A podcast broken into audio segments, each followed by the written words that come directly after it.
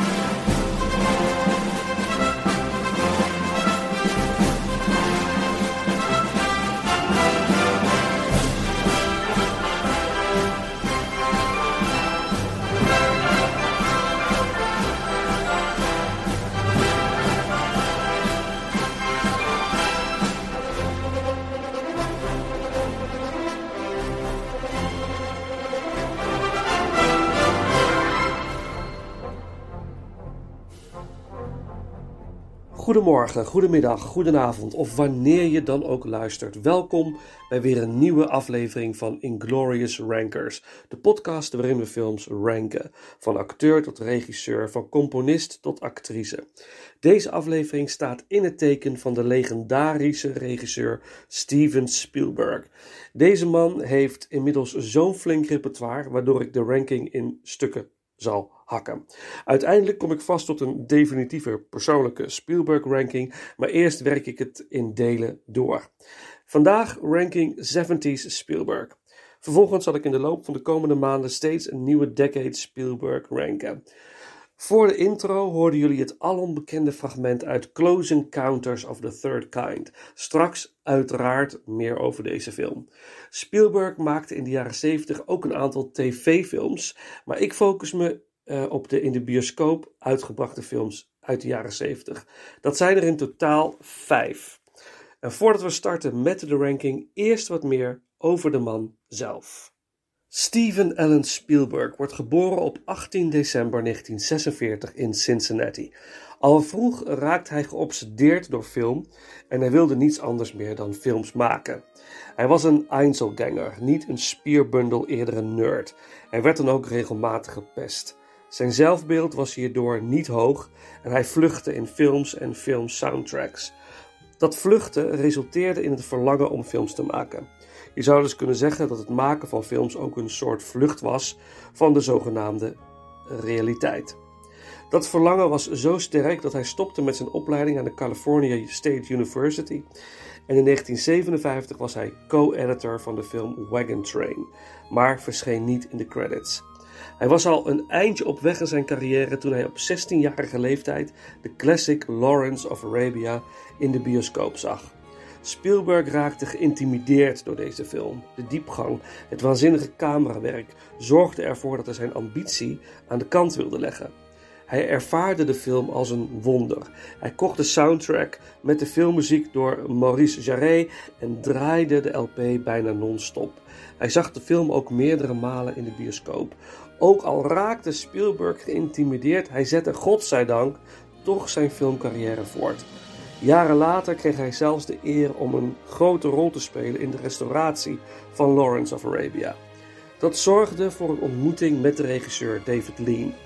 Op zijn zeventiende regisseerde Spielberg al zijn eerste films, waaronder een Tweede Wereldoorlogfilm, Battle Squad in 1961. Hij combineerde hierin authentieke Tweede Wereldoorlogbeelden met nieuw gefilmd materiaal. Dit was een korte film, evenals de films Escape to Nowhere en The Last Gun. Zijn korte film Amblin uit 1968 zorgde ervoor dat hij een carrière als regisseur bij de televisie kon starten. Hij regisseerde onder meer een aflevering van de populaire detective-serie Columbo.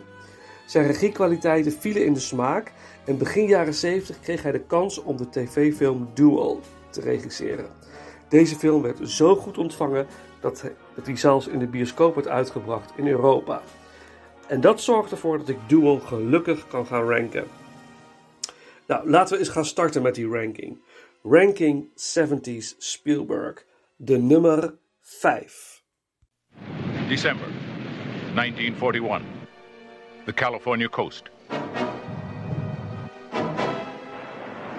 The Japanese had just bombed Pearl Harbor. A nation's heroes were on the alert. Look, you guys, a Jap sub! The dummy's right.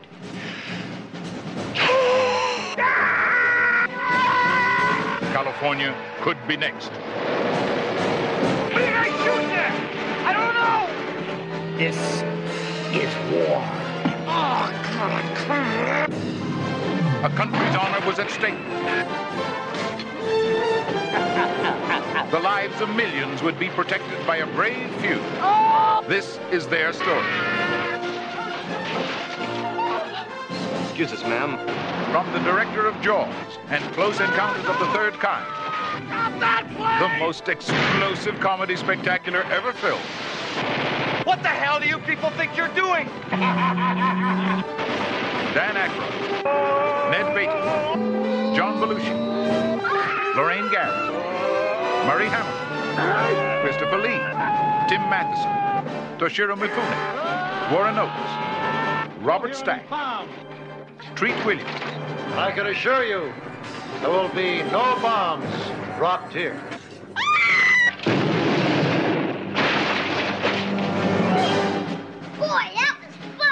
Universal Pictures and Columbia Pictures present an 18 production of a Steven Spielberg film. 1941. Sayonara, sucker!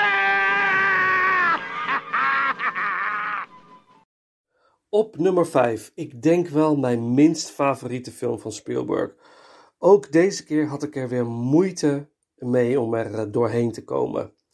Jaws uit 1975. nee, nee, nee, nee, natuurlijk niet. Nee, echter start deze film wel met een soort van Jaws opening, een persiflage op zijn eigen film. Een naakte vrouw neemt een frisse duik in de zee, maar wordt dan geschept door een submarine, een onderzeeboot vol Japanners. Dit is het begin van de Wereldoorlog 2 comedy 1941 uit 1979. De laatste 70s Spielberg film en een van zijn grootste flops. Na het werk waarmee hij de wereld verraste, was dit een fikse tegenvaller. Na de intro hoorden jullie The March uit 1941, gecomponeerd door John Williams. En Spielberg vindt dit zelf de mooiste march die Williams eh, heeft geschreven voor zijn films. Persoonlijk kies ik dan toch voor eh, Indiana Jones. Na het bombardement op Pearl Harbor is California in rep en roer. Er heerst grote angst voor een inval van de Japanners. Een groep nationalisten uh, vatten het plan op om de kust te bewaken en klaar te staan voor een mogelijke strijd tegen invallende Japanners. Ondertussen is er een uh, Japanse submarine kapitein die inderdaad het plan heeft opgevat om Hollywood uh, binnen te vallen. Dit in samenwerking met een Duitse officier. Dit leidt tot mayhem en chaos. En dit is ook precies wat de film uitstraalt: mayhem en chaos. Ook al heeft de film een topcast, waaronder James Belushi, Dan Aykroyd en Christopher Lee, het blijft mijn nummer 5. Ik wil ook niet al te veel over kwijt. Ik wil gewoon lekker door naar de nummer 4.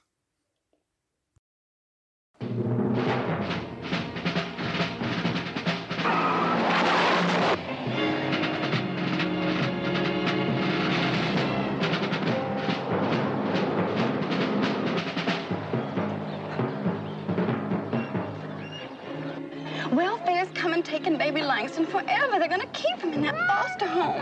I don't want my baby back. Now, you gonna help me or not? Well, where's he now?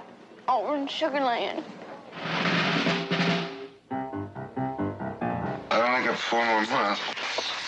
Are you leaving today? No! This true but incredible event happened in Texas in 1969. Far, it's grand theft auto, speeding, driving to endanger, resisting arrest, threatening an officer, illegal possession of firearms, and assault. But if I get in that car, you got kidnapping. That's fit.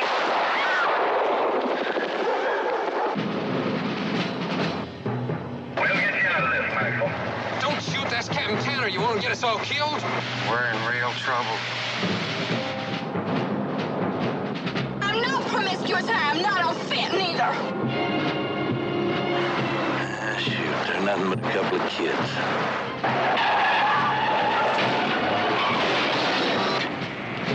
Now, you may kill me, but if you don't come to your senses and throw it down, they're gonna kill you. I love you. Even if we don't get the baby. Missed all that sweet talk.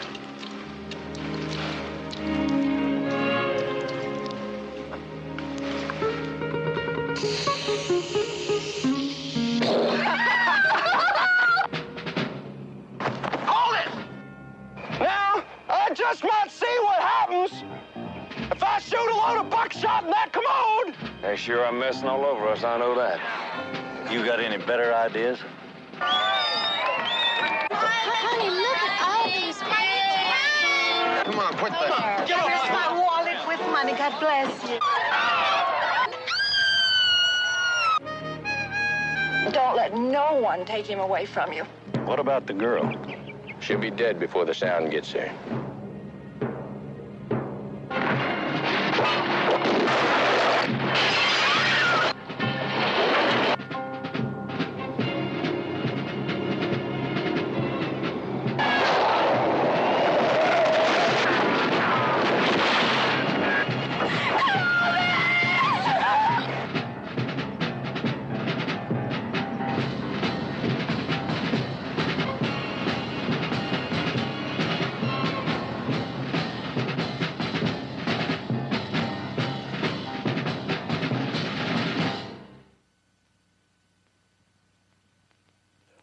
Nummer 4. Spielbergs eerste echte bioscoopfilm wereldwijd. The Sugarland Express uit 1974. Tevens een van de eerste grote films voor Goldie Hawn. Die hier in deze film een memorabele prestatie levert. The Sugarland Express is gebaseerd op ware feiten die zich voordeden in 1969. Het gaat om het echtpaar Lou Jean Poplin en Clovis Poplin. Lou Jean heeft een straf uitgezeten voor wat lichte criminele activiteiten en haar man Clovis zit zijn laatste weken uit. Zij bezoekt Clovis in de gevangenis en vertelt hem dat ze dreigen hun zoontje te verliezen. Het kind woont nu bij pleegouders en de kinderbescherming dreigt het kind niet aan de biologische ouders terug te geven. Jean wil er alles aan doen het kind terug te halen. Ze overtuigt haar man en ze helpt hem ontsnappen uit de gevangenis. De ontsnapping is ook opgenomen door Spielberg in de daadwerkelijke gevangenis waar het incident ook heeft plaatsgevonden. Ze stelen een auto, maar worden aangehouden door een lokale politieagent, Matthew Slide. Lou Jean ziet haar kans en ze gijzelen de agent en dwingen hem te rijden naar Sugarland, alwaar hun zoontje zich bevindt. Ze worden op de hielen gezeten door Captain Tanner, die ook naarmate de tijd vordert begint in te zien dat het hier niet gaat om zware criminelen, maar om ouders die alles willen doen voor hun kind. Uiteindelijk weet het hele land van de actie eh, van de twee ouders en krijgen ze overal sympathie. Toch zullen ze moeten boeten voor hun daden.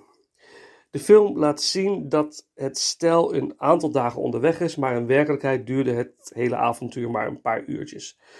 De Sugarland Express markeert ook de eerste samenwerking van Spielberg met John Williams en we weten allemaal waar dat toe geleid heeft. De film werd door de critici heel goed ontvangen, maar Universal had weinig vertrouwen in de film, waardoor het weinig kans heeft gekregen een breder publiek op te bouwen. Ik vond The Sugarland Express een verrassend boeiende film met een mooie soundtrack en uitstekend acteerwerk. Het is uh, een Spielberg-film in een stijl die we daarna vrijwel niet meer van hem hebben gezien. Maar zeker de moeite waard om eens te gaan bekijken, mocht je hem nog niet hebben gezien. The Sugarland Express is mijn nummer 4. Nu op naar de nummer 3.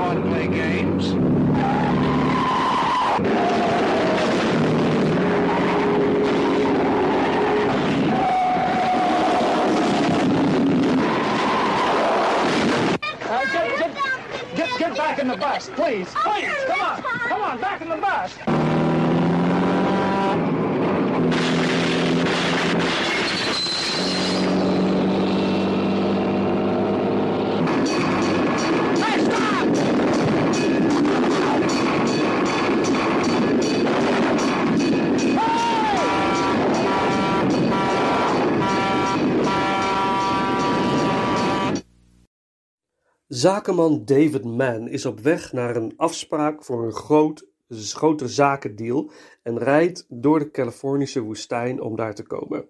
Onderweg passeert hij een zeer langzaam rijdende, aftanse, monsterachtige truck. Wanneer hij gepasseerd is, zet de chauffeur van de truck, een chauffeur wiens identiteit we niet leren kennen, de achtervolging in. Het lijkt dat hij zich als doel heeft gesteld David te kwellen en te doden. Als een ware plaaggeest blijft hij de zakenman achtervolgen en drijft hem tot waanzin. Dit is de formule van de tv-film Duel, die een bioscooprelease kreeg in Europa. Een spannend concept, wat ook best eng wordt, aangezien we niet weten wat de motieven zijn van de terroristische chauffeur en we niet weten wie deze man in godsnaam is. Met Duel laat Spielberg zien hoe goed hij is in het opbouwen van spanning. Carrie Lofton speelt de betreffende chauffeur. En toen hij op de set vroeg aan Spielberg: Wat voor type man ben ik? Wat is mijn motivatie? antwoordde Spielberg: You are a rotten, dirty, no good son of a bitch. Lofton was een stuntdriver die onder grote bewondering van Spielberg de gigantische truck over de woestijnwegen manoeuvreerde. Het ziet eruit alsof de truck met een megasnelheid gaat, maar eigenlijk gaat hij maar 30 km per uur, gefilmd met een speciale camera waarmee je dicht bij de grond kan filmen. En de wagens ehm, met een achtergrond van rotsen te filmen, een optische illusie creërend, lijkt het alsof de truck en de wagen van David Mann heel uh, snel gaan. Het lijkt erop dat de betreffende chauffeur dit trucje al meerdere keren succesvol heeft uitgevoerd, aangezien er op zijn bumper allerlei nummerplaten zijn geplakt. Spielberg benaderde het maken van deze film als een Japanse Toho-film en verving Godzilla door de truck. De film duurde oorspronkelijk 74 minuten, maar voor de bioscooprelease werden er scènes bijgeschoten om een speelduur van 90 minuten te krijgen. Duel uit 1971 was net als de Sugarland Express een aangename verrassing voor mij. Echter ga ik Duel zeker nog vaker zien in tegenstelling tot de Sugarland Express. Ik vond Duel echt een geweldige film en zeker spannend. Een film waarbij je denkt van je zal het maar meemaken. Want we weten allemaal dat er genoeg gekken op de wereld zijn. Wat mij betreft een terechte nummer 3 in de 70s Spielberg ranking. De nummers 2 en 1 die nu volgen liggen heel dicht bij elkaar. Omdat ik geen voorstander ben van een gedeelde nummer 1, heb ik er één moeten kiezen. Ik ga dan af op welke van de twee toch net iets meer met me doet en net iets meer entertainmentwaarde in mijn ogen heeft, alhoewel het beide meesterwerken zijn. Oké, oké, oké, oké. Nummer 2. Get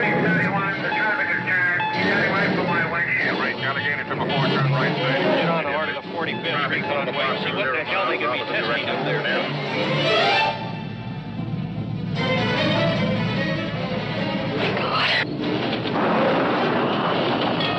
This is the motion picture that astounded us, that challenged us, that dazzled us. The motion picture that reminded us we are not alone.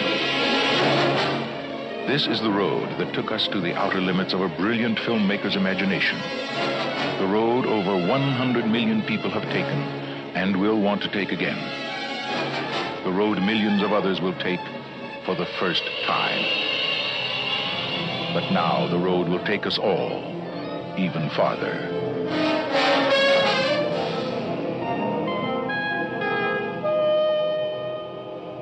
The special edition of Close Encounters of the Third Kind.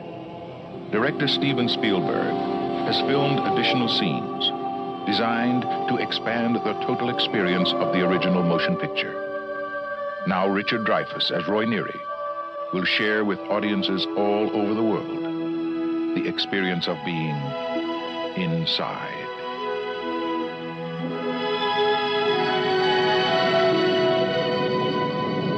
When we saw Close Encounters of the Third Kind, we wanted more. Now, there is more.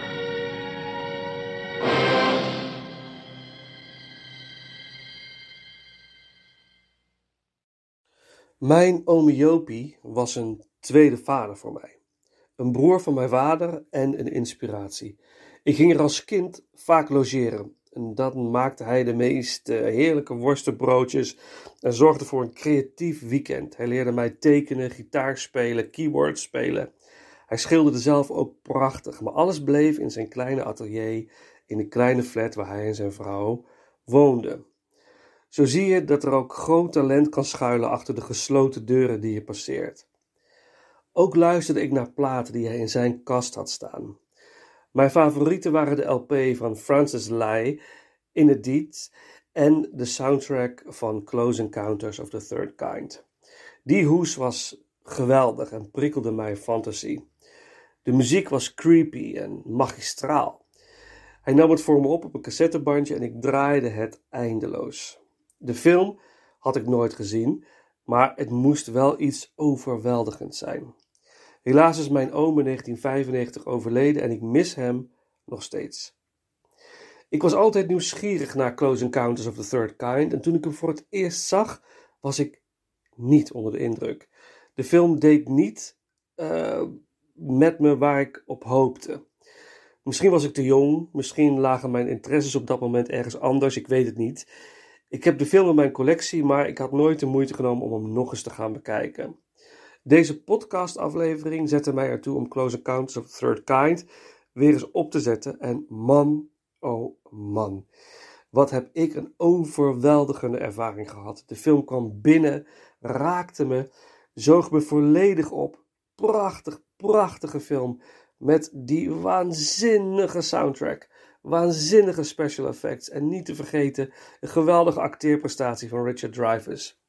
Waar ik destijds op hoopte, maar niet voelde, is volledig goed gemaakt toen ik vorige week deze fantastische kijkervaring had. Even een stukje van de soundtrack. Uiteraard gecomponeerd door John Williams. Destijds uh, bij Omiopi al een van mijn favoriete tracks. Uh, laten we daar nu een deel van uh, gaan luisteren. The Mothership.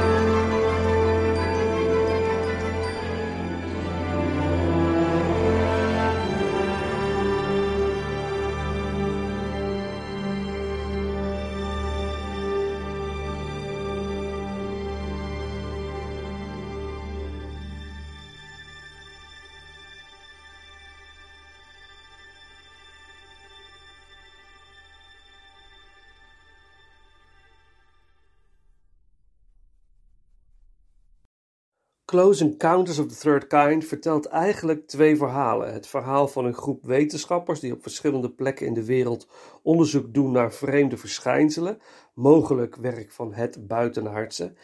En een van de wetenschappers, Claude Lacampe, gespeeld door François Truffaut, ontdekt een manier van communicatie met het onbekende. Hij gebruikt de zogenaamde Kodaly Method of Music Education. De reactie van de aliens verrast de wetenschappers. Tegelijkertijd volgen we elektricien Roy Neary, gespeeld door Richard Drivers, en de alleenstaande moeder Gillian. Op weg naar een klus ziet Roy UFO's, UFO's en dit verandert zijn leven. Hij raakt geobsedeerd en wil het opnieuw ervaren. Het zoontje van Gillian wordt meegenomen door een UFO en zij als moeder zet alles op alles om haar zoon terug te zien. Uiteindelijk vinden Roy en Gillian elkaar omdat ze beide naar een bepaalde plek worden getrokken, zonder te weten waarom deze plek zo bijzonder is. Uiteindelijk blijkt het de plek te zijn waar een groot moederschip zal landen en dat er contact wordt gelegd met aliens. Deze climax, deze climax in de film is verbluffend indrukwekkend.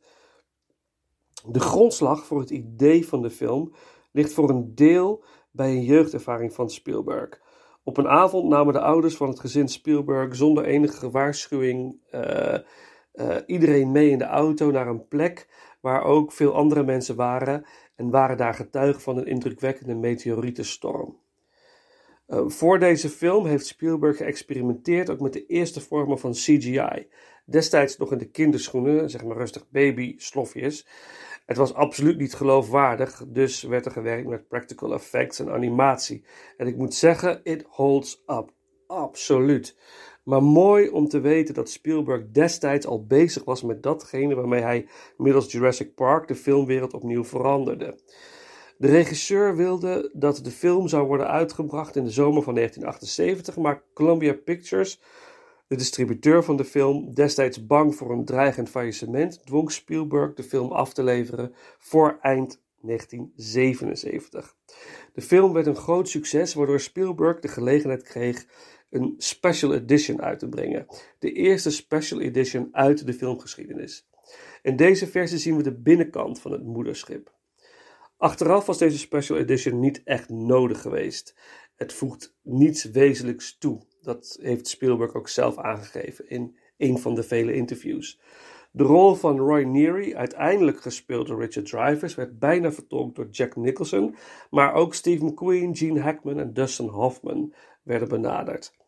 Echter was het de wens van Drivers om de rol te spelen. Dit verlangen ontstond op de set van Jaws, waar Spielberg over dit mogelijke project vertelde.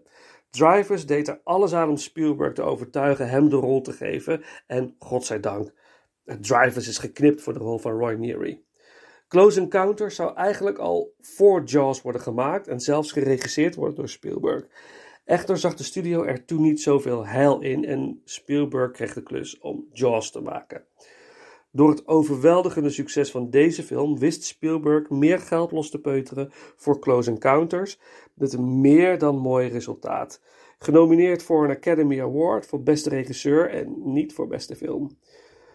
Voordat we gaan naar de onvermijdelijke nummer 1, luisteren we naar een bijzondere versie van het communicatiemuziekstuk uit Close Encounters door John Williams. 1977 was natuurlijk de tijd van de disco. En er is destijds zelfs een disco-versie van Close Encounters uitgebracht. Laten we daar even naar gaan luisteren. En dan door naar de nummer 1.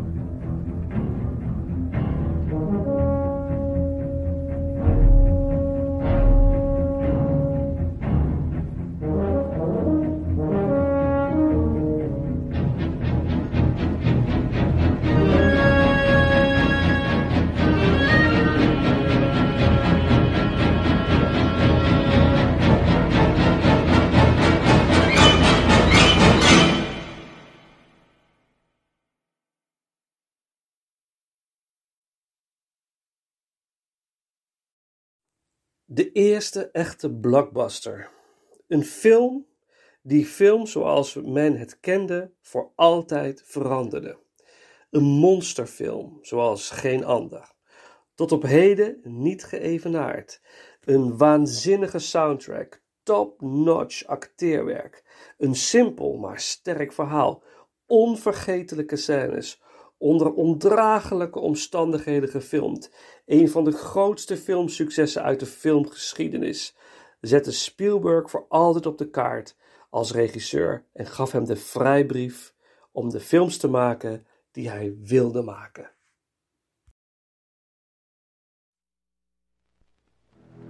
There is a creature alive today who has survived millions of years of evolution without change, without passion, and without logic. It lives to kill. A mindless eating machine.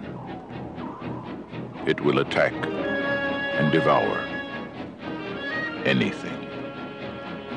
It is as if God created the devil and gave him jaws.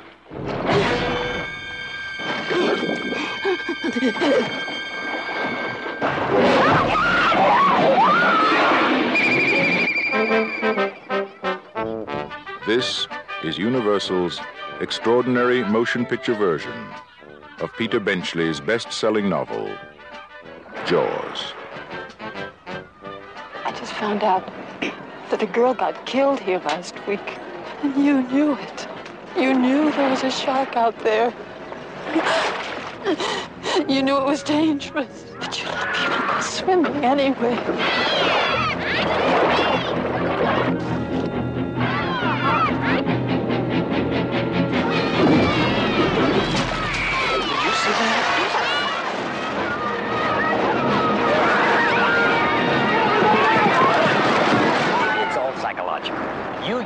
Barracuda. Everybody says, huh? What? You yell shark. We've got a panic on our hands on the 4th of July. Is it true that most people get attacked by sharks in three feet of water, about 10 feet from the beach? Yeah. What we are dealing with here is a perfect engine, uh, an eating machine. We're not only going to have to close the beach, we're going to have to hire somebody to kill the shark. Bad fish. But I'll catch him and kill him. Did you hear your father? This shark, swallow you whole. You're gonna need a bigger boat. That's a 20 footer. 25. Three tons on him. Hurry up, he's coming straight for us. Don't screw it up now. Don't wait for me. Now! Shoot! What's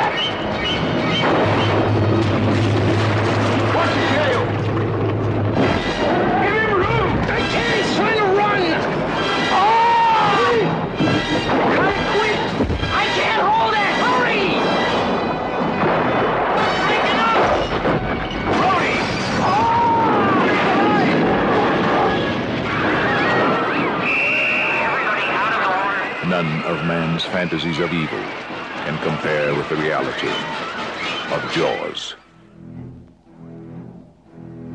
Roy Scheider, Robert Shaw, Richard Dreyfuss, Jaws. See it before you go swimming. Jaws uit 1975 is mijn absolute nummer 1. Lag zeer dicht bij Close Encounters, maar ik kan er niet omheen. Dit is de betere van de twee en ook de winnaar van deze ranking. Op Amity Island neemt een jonge dame, rozig van de alcohol, een frisse duik in de zee, zo tegen het ochtendgloren. Ze wordt bruut verrast door een aanval van onder water. Martin Brody is de nieuwe sheriff op Amity Island. Wanneer iemand meldt dat er een dood lichaam is gevonden aan de kust, snelt hij er naartoe. Het is overduidelijk dat de vrouw is aangevallen door een haai.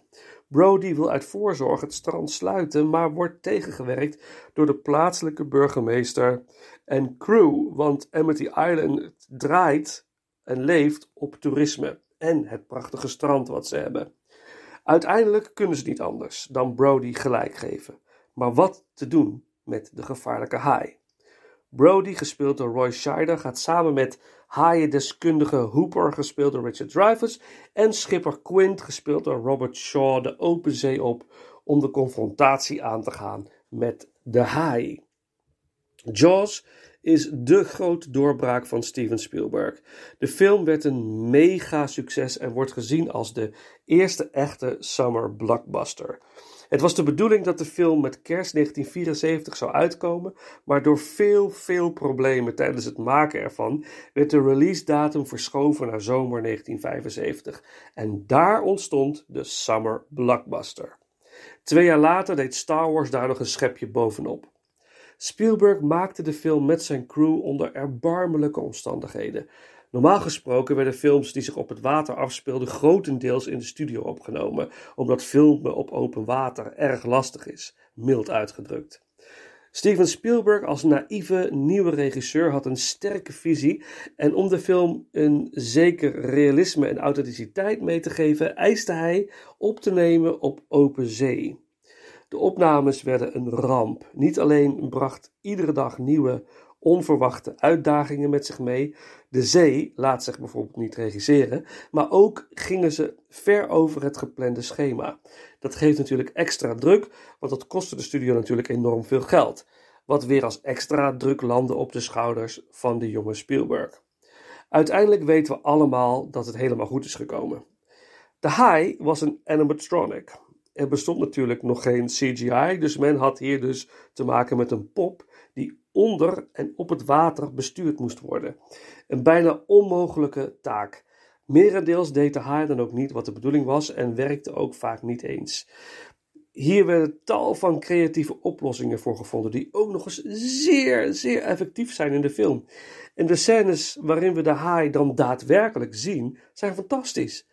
De haai was ook niet getest in water, dus bij de eerste opname zonk de haai naar de bodem en was er een team van duikers nodig om hem weer op te vissen.